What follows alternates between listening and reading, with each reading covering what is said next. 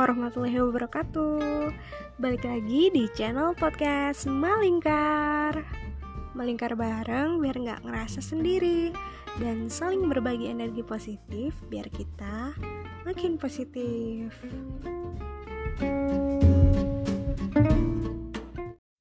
Jadi di podcast kali ini aku bakalan ngobrol-ngobrol seputar pernikahan Khususnya uh, di awal-awal tahun pernikahan gitu ya setelah akad sama Teti gitu. Kebetulan kan Teti di sini yang udah nikah jadi Teti bakalan sharing seputar pengalamannya. Gimana aja sih tahun-tahun awal pernikahan gitu. Kita langsung aja yuk dengerin ini dia podcastnya.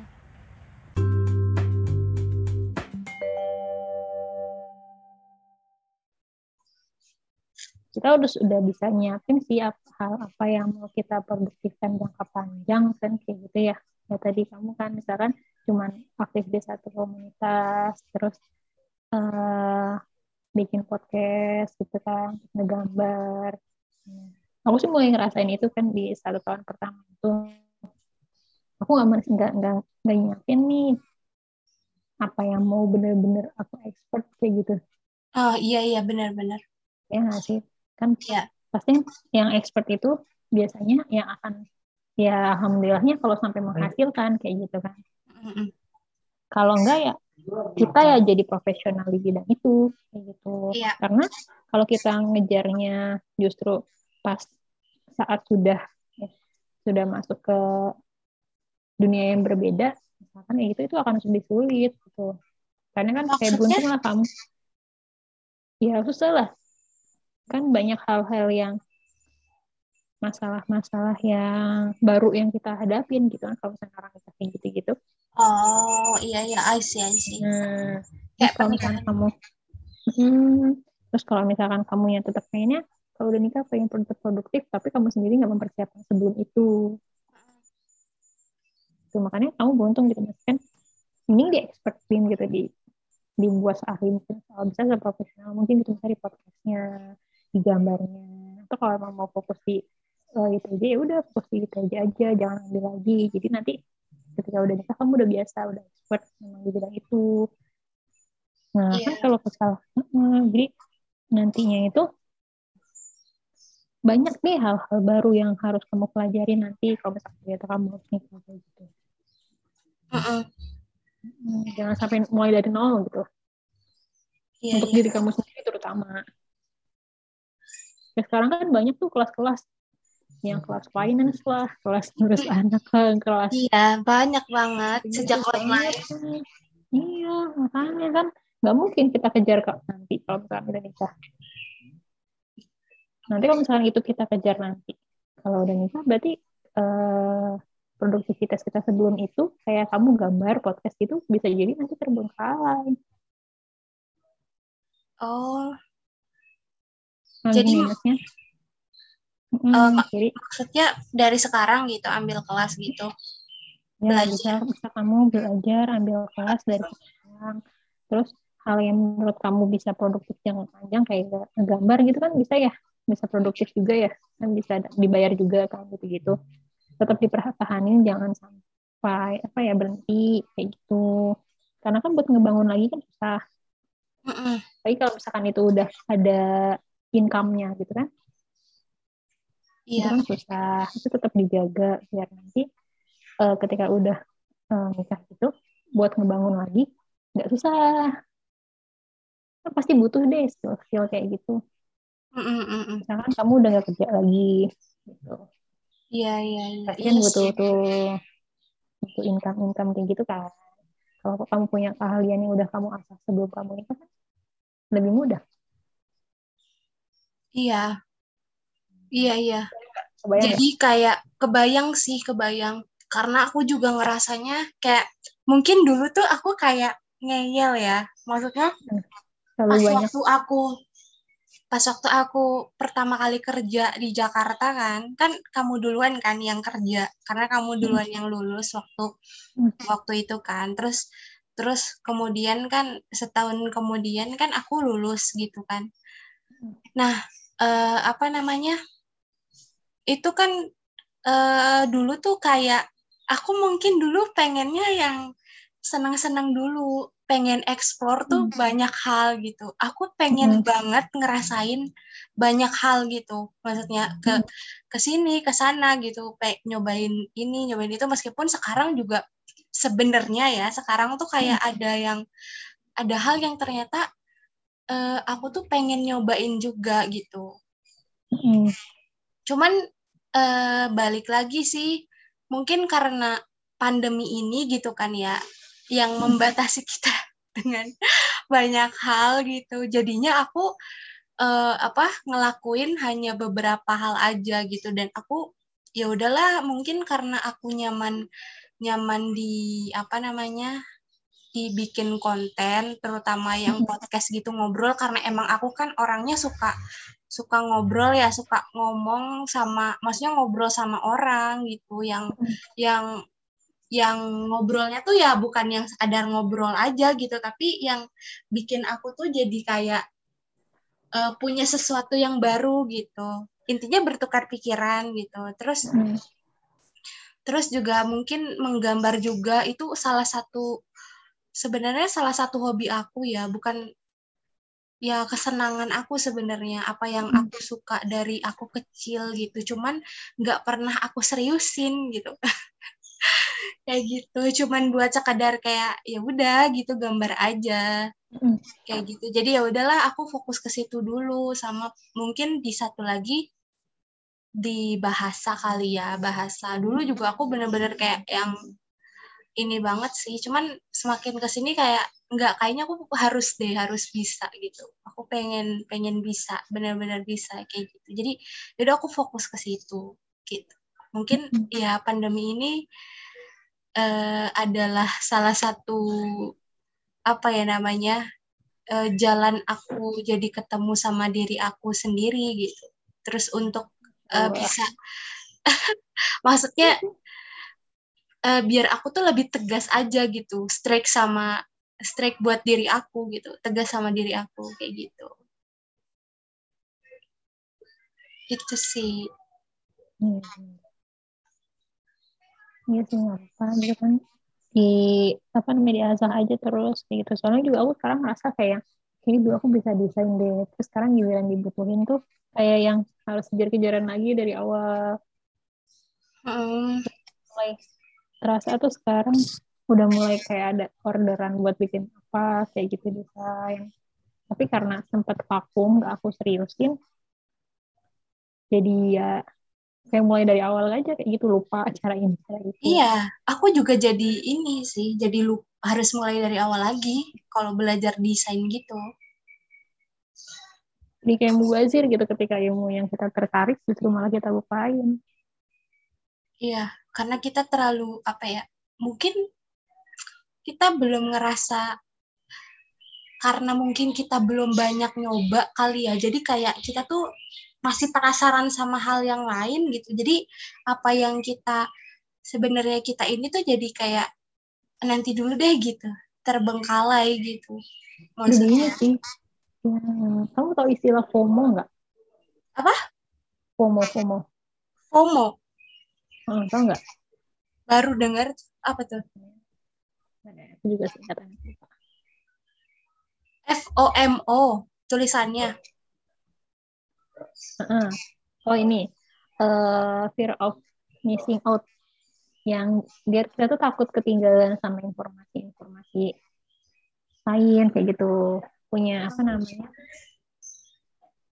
Ya takut ketinggalan deh gitu Iya, takut nggak update gitulah ya. Hmm, takut nggak ketinggal, eh takut ketinggalan zaman gitu. Nggak tahu info apa pun. Hmm mungkin hmm. dulu kita terlalu memikirkan hal itu makanya pengen bisa segalanya gitu pengen tahu segalanya padahal kan nggak semua hal itu harus kita tahu. Harus kita bisa. Oh iya. Iya sih. Benar mungkin itu aku juga baru sadar kayak gitu. Oh iya mungkin FOMO gitu. Iya maybe aku juga waktu itu dalam tahap itu kali ya. Karena tapi uh, mungkin bisa jadi karena sebelum-sebelumnya juga itu dampak dari aku tuh gak terlalu aktif gitu. Bukan orang yang aktif juga gitu. Bukan yang bukan orang yang ter uh, ingin mencoba sesuatu hal yang baru gitu terus ketika pada masanya pas masuk kuliah terus tiba-tiba kan lingkungannya baru dan aku kayak berusaha buat uh, apa namanya pengen berubah. Jadi kayak gimana ya? Kayak ya udah aku coba aja gitu apa yang bisa aku ini. Makanya kan aku ikut banyak UKM gitu gitu ikut banyak kegiatan ya udah yang yang penting aku seneng ya. Karena itu tuh kayak kayak main aku gitu. Gitu.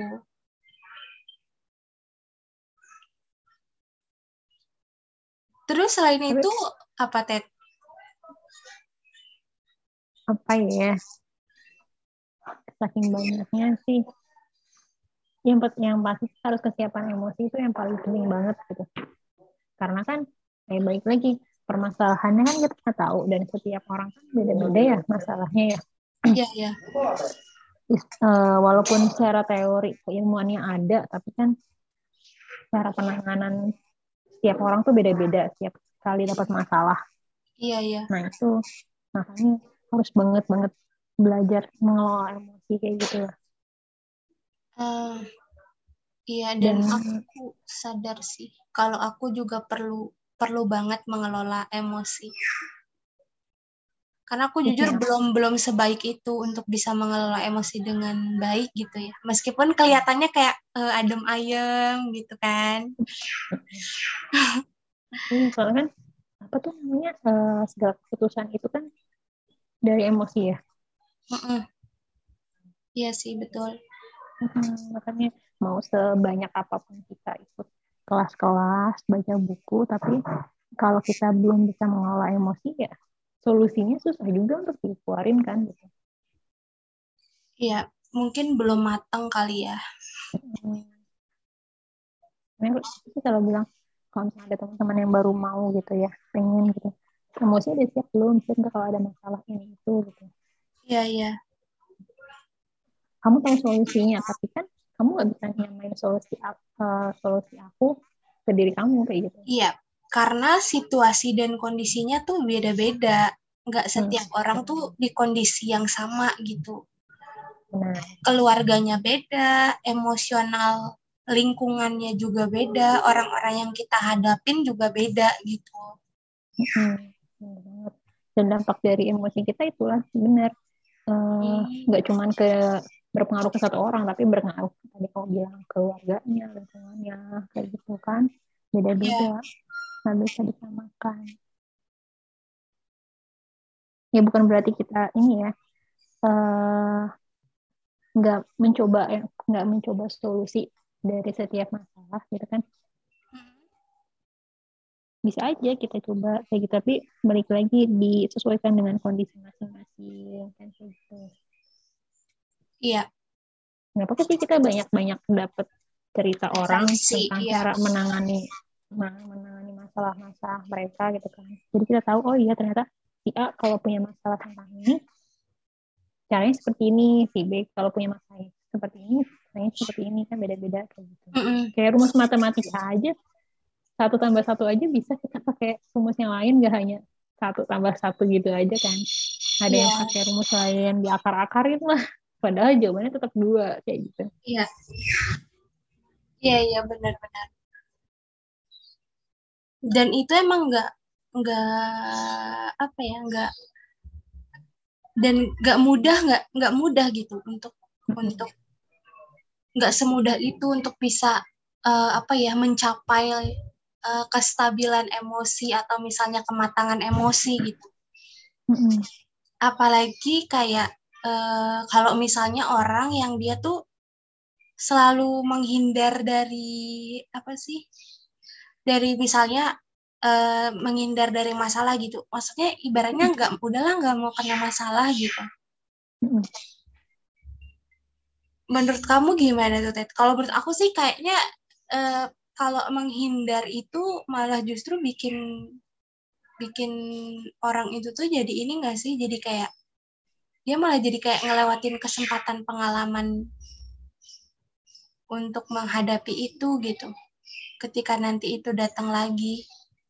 Iya benar jatuhnya kayak ini nggak sih? Kayak kita bohong terus bakal ada bohong bohong bohong lagi gitu.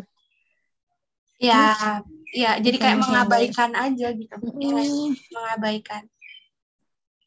Kayak kita ujian. Misal ada soal yang susah nomor dua tapi kita lewatin terus ya nggak akan selesai selesai dong ujiannya. Bener, nomor dua bener kan belum selesai iya gitu benar kan? benar benar banget benar kita harus selesai dulu namanya satu soal. Kalau nomor dua belum kan cuma sembilan puluh sembilan. Sembilan puluh sembilan kita kita kerjain kita nggak bisa naik level dong gitu kan?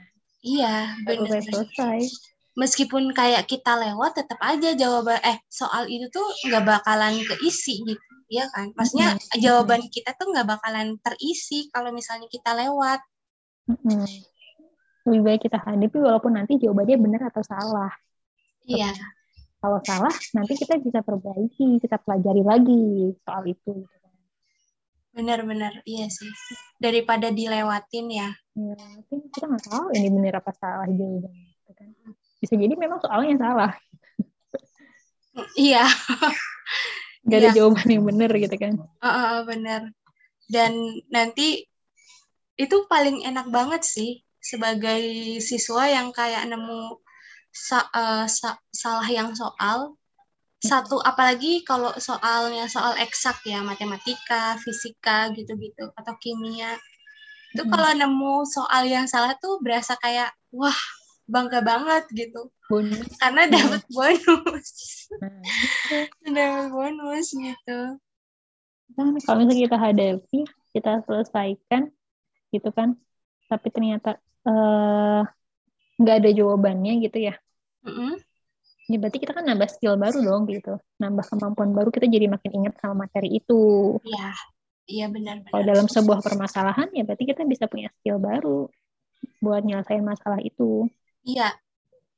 Sama juga kayak ini tuh hal yang aku lakuin ketika aku ambil kelas yang sekarang gitu kan. Aku tuh berusaha untuk ya udah jujur apa adanya aku gitu. Meskipun ya aku tahu gitu. Mungkin ada teman-teman yang lebih hebat dari aku gitu, tapi aku nggak berusaha untuk ya udah apa adanya aku kalau misalnya kalau misalnya nggak bisa ya udah nggak bisa gitu tapi kalau misalnya bisa ya jawab gitu atau kalau misalnya kayak ragu-ragu gitu kan ya udah coba jawab aja. Dan kalaupun misalnya salah ya nanti pasti ya kita tahu jawabannya nanti gitu. Sejujur aku sih berusaha yang kayak ya udah sejujur mungkin gitu. Kadang-kadang jadi siswa kan uh, pernah nggak sih punya rasa yang kayak uh, apa ya kita tuh nggak mau kelihatan salah gitu. Takut buat takut salah gitu. Bahkan untuk bertanya pun atau misalnya untuk menjawab pun misalkan kalau ada guru di kelas itu tuh kayak takut salah gitu. Dan dan aku pikir caranya gurunya menyampaikan ke kita nggak usah takut salah gitu. Maksudnya untuk belajar atau bertanya gitu. Itu tuh ternyata bisa diterapin juga gitu ketika kita ngadepin masalah gitu kan kan kita kan pasti ketika kita ngadepin masalah atau misalnya ngadepin soal lah ibaratnya yang guru kasih kita misalnya ngasih nyari caranya nih gimana sih ini kira-kira caranya gitu kan. Terus kan kita suruh maju ke depan kan kadang-kadang gitu. Kita disuruh menghadapi soal itu. Kalau di dunia ini di realita mungkin kita harus uh, berusaha menghadapi so persoalan itu gitu kan. Kayak gitu dan itu sih ini juga sih apa ya baru baru kepikiran juga ya maksudnya teori itu tuh ternyata bisa dipakai gitu di di apa di kehidupan di kehidupan iya, sehari-hari di realita. Iya, makanya kalau ditanya pelajaran matematika buat apa sih kalau yang jurusannya sastra misalkan kayak gitu. Mm -hmm. Yang salah satunya itu.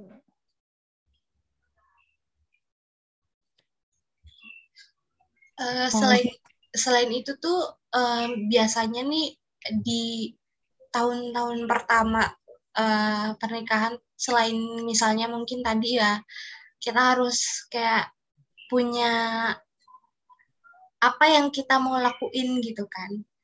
Apa yang mau tetap kita pertahanin gitu. Nah itu apalagi tuh? Ada nggak? Misalnya ya terkait dengan problem atau masalah uh, dalam hal tadi kan emosi juga ya termasuk kan hmm. kesiapan emosi dan sebagainya gitu. Nah selain emosi dan tadi tuh fokus yang pengen kita kita kerjain gitu kan yang mau emang kita lakuin untuk untuk ke depannya untuk diri kita mungkin ya. Nah itu apa aja sih selain emosi? Ya menurut aku ilmu yang pasti ya.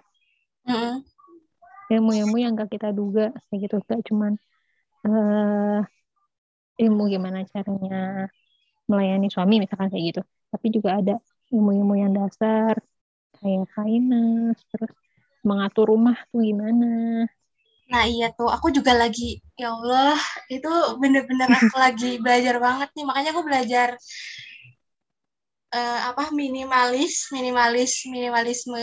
Maksudnya, ya seni hidup minimalis dan segala macam itu, ya mungkin bisa jadi ya, bisa jadi berguna kalian ya nanti. Nah itu ketika kita mempelajari ilmu-ilmu hal yang seperti itu apakah nanti pasangan kita juga menerima kita akan hal itu gitu? Oh I see. Hmm, nah itu balik lagi ke situ. Terus um, ilmu apa lagi ya tadi ya finance terus mengatur misalnya mengatur rumah deh dasar-dasar. Terus ketika nanti udah punya anak misalkan baru nikah terus langsung punya anak nih dikasih dikasih anak. Kan biasanya tuh paling cepat tuh kan sebulan tuh biasanya udah ada tuh yang langsung iya, nah kita udah siap belum ilmunya tentang kehamilan gitu. Cepet banget loh prosesnya kayak gitu.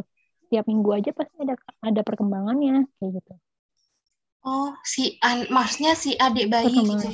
Mm -mm, benar tiap minggu. Biasa kalau udah mendekati lahiran tuh pasti kelihatan deh tiap minggunya. Kalau baru awal-awal biasanya sebulanan deh baru kelihatan tuh. Mm Kenapa sih kita nggak boleh makan mentah misalkan gitu kehamilan? Harus dicari tahu juga jangan katanya katanya.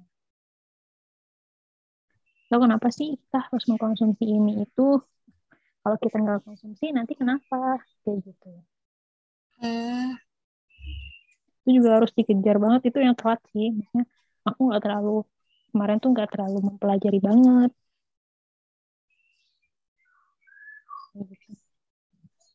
terus juga yang dipersiapkan ya nggak hanya tentang proses kelahirannya aja tapi nanti kalau anaknya sudah lahir kita juga harus ngerti gitu kenapa sih bayi itu nggak boleh pakai bantal misalkan kayak gitu?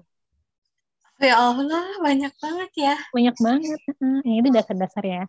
Misalkan itu dasar aja banyak banget ya. Perintilan. Kenapa sih bayi itu nggak boleh pakai sarung tangan nggak boleh pakai sarung kaki nggak boleh dibedong gitu? Misalkan yang gitu-gitu. Ada tuh yang gitu-gitu oh ada yang ada yang dia beranggapan nggak perlu dan perlu iya aku juga penasaran sih kenapa bayi harus pakai sarung tangan tapi sama sarung kaki tapi cuman waktu dulu tuh uh, sebenarnya karena menghindari pertumbuhan kan si kuku bayi kan cepat tumbuh ya cepet banget tumbuh. Nah, takutnya si kuku bayi itu melukai dirinya gitu. Entah itu pas ngegar, entah itu pas kayak nyenggol apa atau gimana gitu-gitu. Jadi makanya apa namanya si kuku-kuku bayi itu eh tangannya bayi itu makanya dibungkus gitu. Ya, itu mungkin salah satu orang dulu kekhawatirannya ya. Kayak gitu katanya ya salah satunya itu mungkin terus biar nggak dingin katanya gitu kan ya iya biar nggak dingin nah tapi setelah aku baca lagi teorinya justru malah lebih baik nggak pakai karena untuk uh, melatih sensoriknya jadi kan dia belajar tekstur tuh jadinya hmm oh, iya iya jadi nah, biar nggak terhalang ya kalau hmm, pakai juga terhalang Iya, hook bayi itu sebenarnya nggak apa-apa kalau mau digunting kayak gitu. Hmm. harus hati-hati kan dan nggak semua orang berani. Gitu.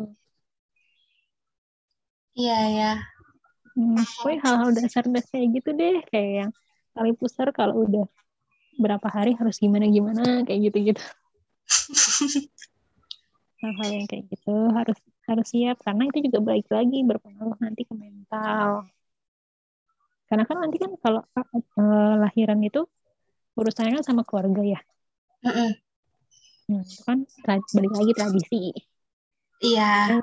Iya, iya. macam teori yang udah kita pelajari tuh bisa bubar gitu kan cuma gara-gara uh, harus nurut kata orang tua. Gitu gitu iya. Lagi ke emosi emosi kita sudah siap belum ketika hal-hal seperti itu terjadi? Iya tapi kamu iya sih. Apalagi khususnya mamah ya. Cuman hmm. aku kan ya di rumah kan ya bapak doang gitu sebenarnya kalau bapak bapak tuh orang yang nggak ribet gitu orang iya paling bude-bude para bude-bude yang hmm. yang mungkin akan uh, lebih perhatian kali ya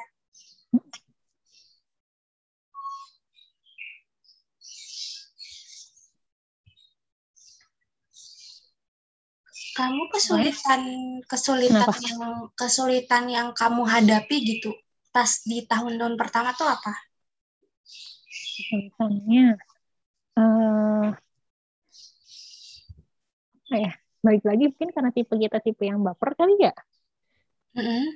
jadi ya itu baik ke masalah emosi kayak gitu. Mm. sama kalau sama aku sih lebih ke pendapat ya. Kan otomatis kan ada dua keluarga nih nggak cuma dua kepala ya. Yang harus kita cari tengah-tengahnya kayak gitu. Nggak semuanya pendapatnya bisa kita terima gitu. Tapi ada kalanya pendapatnya juga kita pakai gitu. Mm. itu, itu yang menurut aku susah sih gitu. Kayak misalkan kita memutuskan untuk keluar dari rumah misalkan mandiri gitu ya. Mau tinggal sendiri walaupun kontrak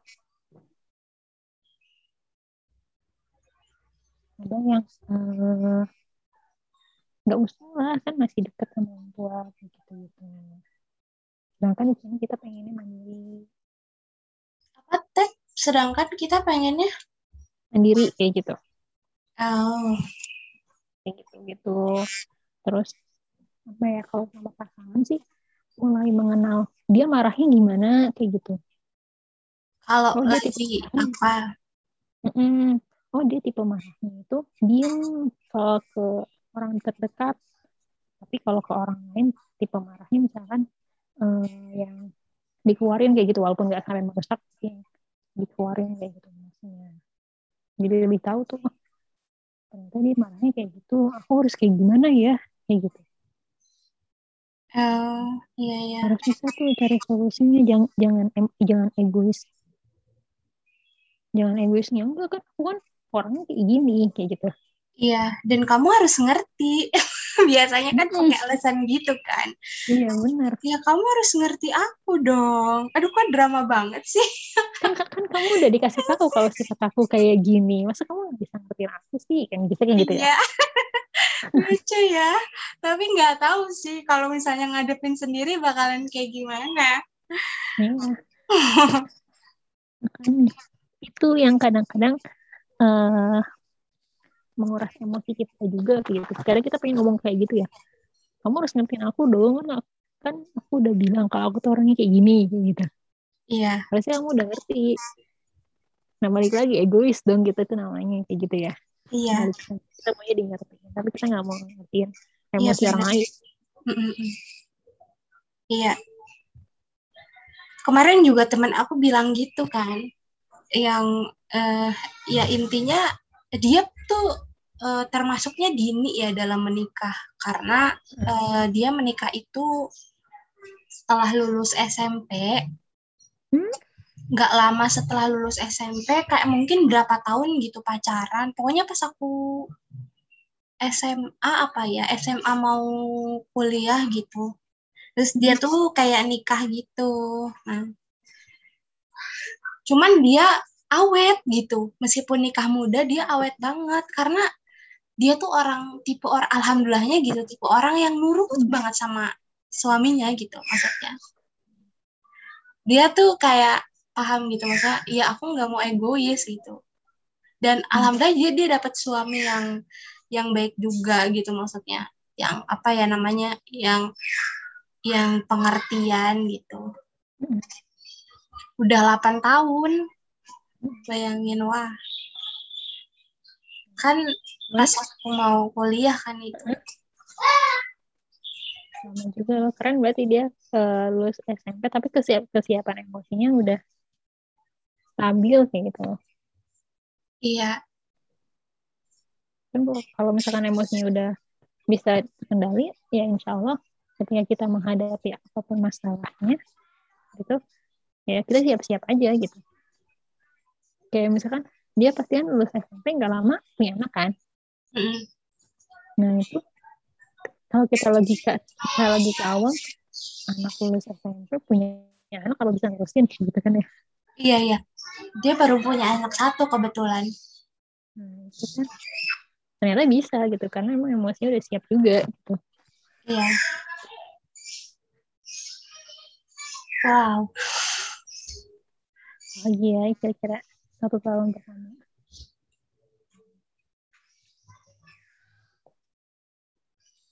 Jadi paling emang sih skill-skill dasar itu harus paham. Terus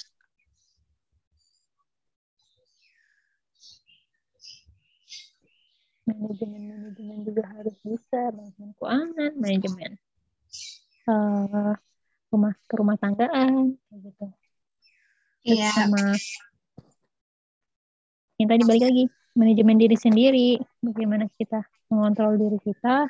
Kayak tadi ya kita pengen produktif. Kita produktif dong kan muslimah kan harus pinter ya. Sama urusan kita sama keluarga kita kayak gitu.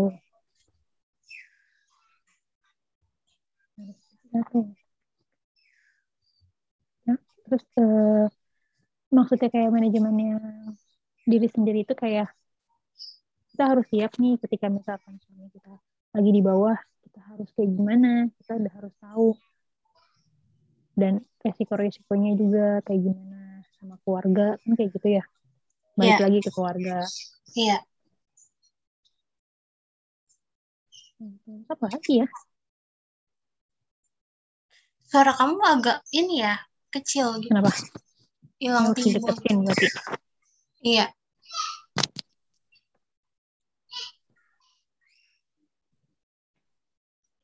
Apalagi ya kira-kira ya untuk tahun pertama. Ya, lebih banyak bapernya kalau aku ya. bapernya itu karena karena apa biasanya yang sering ditemuin?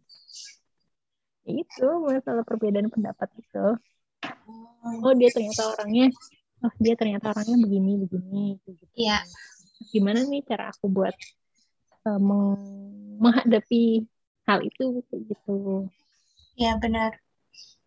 Um, gak terus egois tapi aku pengen gitu.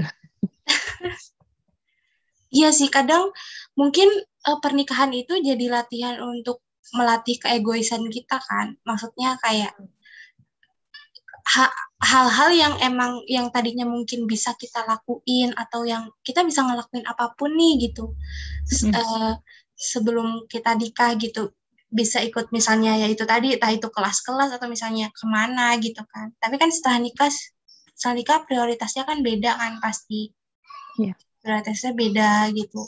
Nah kita udah ini belum uh, maksudnya kayak udah bisa menahan itu belum menahan keegoisan kita berusaha untuk maksudnya mengalah dan memprioritaskan uh, ibaratnya hal lain dibanding kepentingan pribadi meskipun ya mungkin kayaknya ya kepentingan pribadi juga harus kadang dipenuhi kan. Cuman mungkin kan ya nggak bisa semua gitu. Ya nggak sih? Iya benar. Ya itu ya kadang ya itu dia aku cuman bisa ngomongnya doang. Kan katanya belum. Ya hal dasar deh kayak dulu kita uh, lagi bete sedikit di rumah gitu. Kita bisa oh, udah keluar aja ke mana gitu kan. Jalan-jalan ke mana gitu. Nggak ada yeah. arah gitu jalan-jalan aja yang penting keluar gitu kalau lagi bete. Tapi kalau kalau sekarang kan mikir lagi. Pasti nanti dia nanya kenapa kayak gitu. Tapi kita cuman pengen keluar kayak gitu. Hmm. Iya iya iya. Ya kan gitu. Pasti Terus... ada banyak pertanyaan kenapanya apa? Iya pasti akan lebih banyak pertanyaan kenapa. Oh iya iya iya